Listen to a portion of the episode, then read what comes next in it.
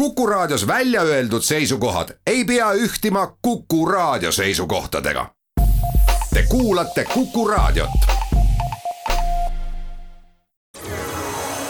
loodusajakiri, vaata ka looduseajakiri.ee tere kõigile teile, head Kuku raadio kuulajad, Loodusajakiri alustab. täna on meil saates plaanis rääkida haugist, selle aasta kalast selleks palusin stuudiosse külla Tartu Ülikooli Eesti Mereinstituudi ihtioloogia ja kalanduse peaspetsialisti.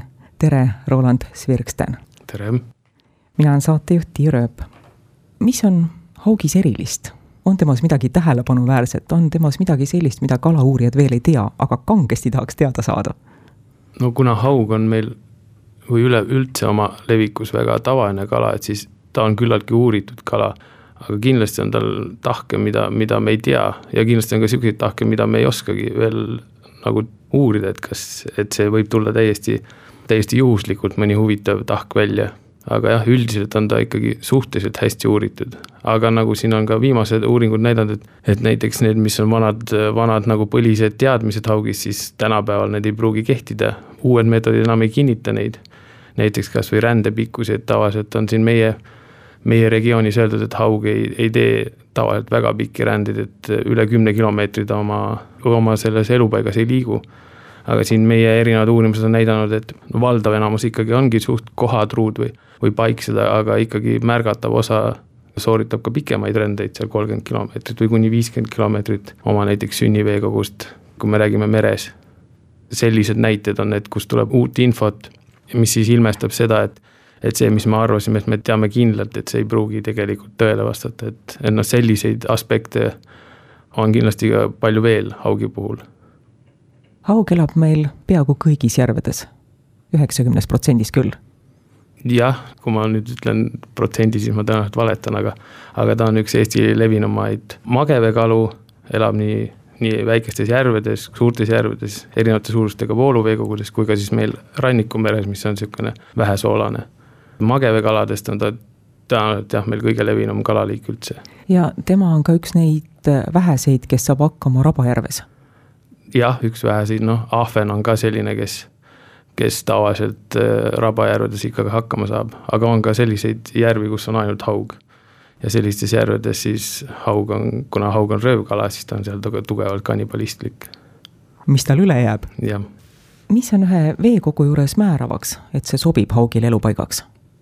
No kuna haug on oma eluviisilt röövtoiduline ja ta on varitsev kiskja, ehk ta ei, ei jälita oma saaki pikalt, siis tal on vaja, et tal oleks kuskil varjuda, eelkõige siis taimestik. mis rabajärvedes tihti sellist taimestikku ei ole, siis on igasugused puujuured ja kaldaalused sobivad ka.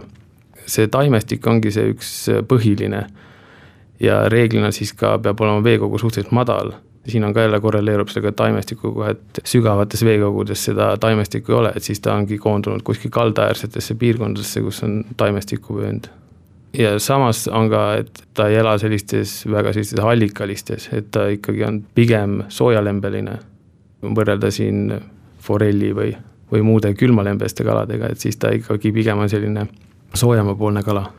oli jutt sellest, et kui haug on ainukene kala näiteks Rabajärves, siis ei jää tal midagi muud üle, kui süüa oma liigikaaslasi. kas on mõnda sellist arenguetappi haugil, kus ta sööb midagi muud peale loomse toidu?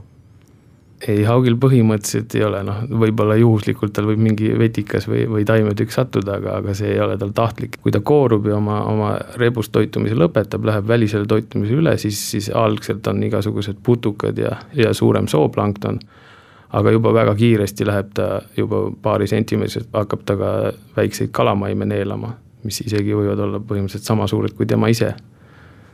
ja siis põhimõtteliselt, kui ta kevadel koorub, siis aasta lõpuks on ta juba peaaegu sajaprotsendiliselt äh, röövtoiduline.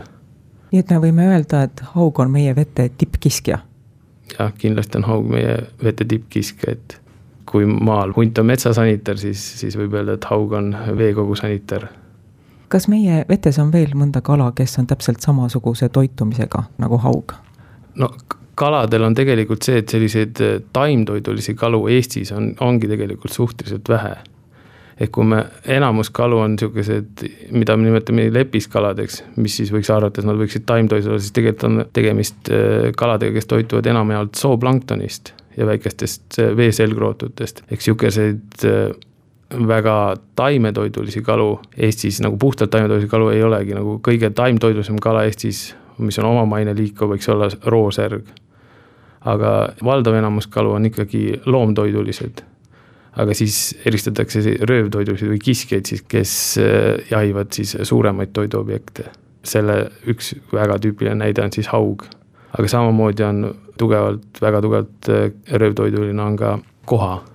Ja näiteks ahven on selline liik, kes siis äh, väiksena toitub põhiliselt veeselgrootutest, aga suured ahvenad on ka juba valdavalt ainult röövtoidulised, et, et kaladel on see vastavalt eluetapile võivad need toiduobjektid olla väga erinevad et kui me siin näiteks muudest imetajatest või räägime, et siis nad ikkagi reeglina on see toiduobjekt kogu aeg suhteliselt sarnane. Tartu Ülikooli Eesti Mereinstituut on läbi viinud üsna mitu uuringut, mille eesmärgiks on poolsiirdekalade, kelle hulka kuulub ka haug, kude- ja turgutusalade seisundi hindamine, samuti olete te andnud soovitusi, mismoodi neid kudealasid või siis turgutusalasid parendada.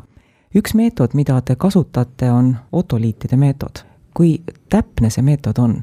kas äh, kasutades seda meetodit te saate öelda täpselt, millisest äh, järvest, jõest see kala pärit on, kust ta koorus? et äh, metodidi mikrokeemiaga me saame jah, määrata selle sünniveekogu või mingis kala elutapis olnud veekogu määrata siis, kui need veekogud on piisavalt keemiliselt erinevad. Ja üldjuhul on siin vähemalt Eesti näitel ikkagi need isegi naaber, naaberjõed on omavahel piisavalt erinevad, et saaks neid eristada, kui kasutada mitmeid elemendilisi markereid ja isotoope, isotoopilisi markereid. nii et äh, võib öelda, et, et otolidi mikrokeemia on äh, küllaltki tundlik, noh kindlasti ta ei ole sada protsenti täpne, aga, aga ma arvan, et üks, kui mitte kõige parem meetod meil. et põhimõtteliselt on need kalad looduse poolt märgistatud, et sajaprotsendilise täpsusega saaksime siis, kui me ise paneksime kindla märgise kindlast veekogust ja me pärast püüame selle ja me teame, et see kala on sealt märgistatud. aga see on jälle palju ajakulukam ja, ja ressursinõudlikum. aga kui kalad on juba looduslikult märgistatud, et siis selle uurimine on palju tõhusam.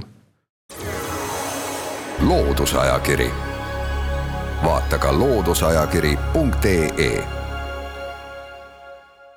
loodusajakiri tuli pausilt tagasi Kuku raadio stuudios on Roland Svirksten Eesti Mereinstituudist, saatejuht Andi Jürööp. enne pausi me rääkisime otoliitide mikrokeemiliste uuringute kasutamisest.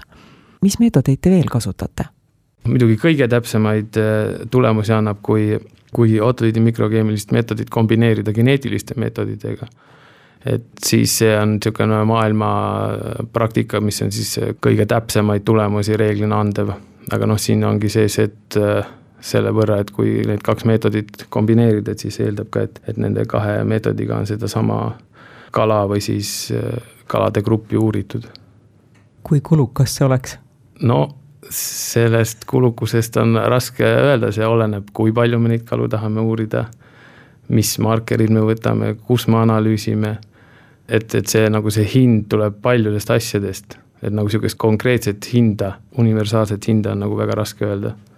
aga, aga see ei ole nagu ka selline odav lõbu, et ma nüüd paarikümne euroga uurin mingi suurema portsu kalade päritolu ära. meie haugid koevad kevadel mitmetel põhjustel, osalt inimtegevuse tõttu, osalt ka kliimamuutuste tõttu, on nende alade, mis sobivad haugile kudemiseks, nende pindala vähenenud.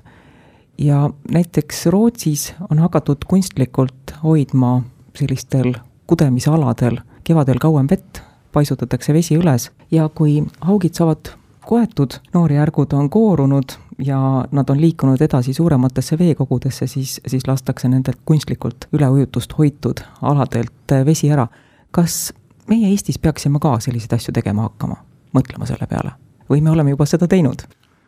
no siin on mõlemale küsimuse poolele on vastus jah, et me oleme juba sellega algust teinud, et eelmisel sügisel siis sai valmis üks, üks objekt Lääne-Eestis, kus siis ka tehti niisugune lüüside ja tammide süsteem, mis siis võimaldab kevadel luas kauem vett üleval hoida ja, ja kindlasti tuleks neid äh, rohkem teha.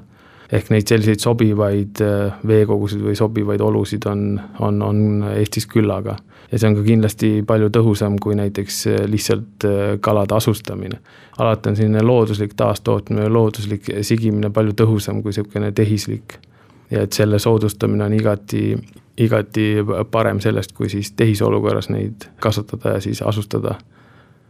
Milline on praegu haugi seisund Eesti vetes? võime tema pärast rahulikud olla? haugiga midagi väga hullu lahti ei ole. praegu ma saan rääkida rohkem rannikumerest, kuna see otseselt haakub ka minu senise tegevusega. et nüüd äh, viimasel ajal Rannikumeres on ikkagi haugi on suhteliselt äh, hästi, ehk siin kümmekond aastat tagasi oli see seis palju kehvem. aga noh, kindlasti jälle saab see olla ka palju parem ehk meie siin Rannikumeres see kõige tugevam kant, see on nagu mainitud, on Väinameri, et siin kümmekond aastat tagasi või rohkem olid ikkagi saagid, olid niisugused äh, alla kümne tonni aastas.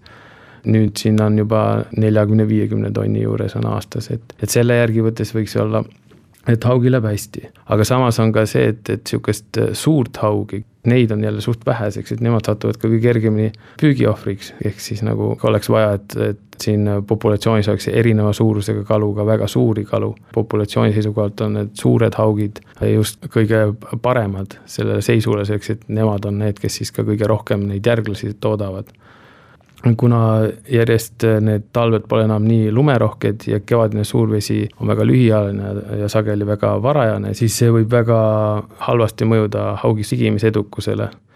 ja kui nüüd siis äh, selline pooltehislik või tehislik äh, vee kinnihoidmine haugi kude all seda nagu parendab, siis see on kindlasti väga niisugune kiiduväärt ja haugi varule positiivne tegevus. eeldan, et mitmetel välitöödel, võib-olla ka kalamehena, on olnud elu jooksul väga palju kohtumisi haugiga. kas on mõni meeldejääv kohtumine haugiga? no võiks öelda, et iga, iga kohtumine haugiga on tore ja meeldejääv, eriti suure haugiga, et see on niisugune juba niisugune vau-efekt, et kuna haug on ju, võib kasvada väga suureks, et siis ta niisugune kohe tekitab sellist elevust. aitäh, Roland Svirksten saatesse külla tulemast, aitäh meeldiva vestluse eest! aitäh teile! Ja aitäh kutsumast ja meeldejäävaid äh, kohtumisi aastakala haugiga. aitäh kõigile kuulajatele.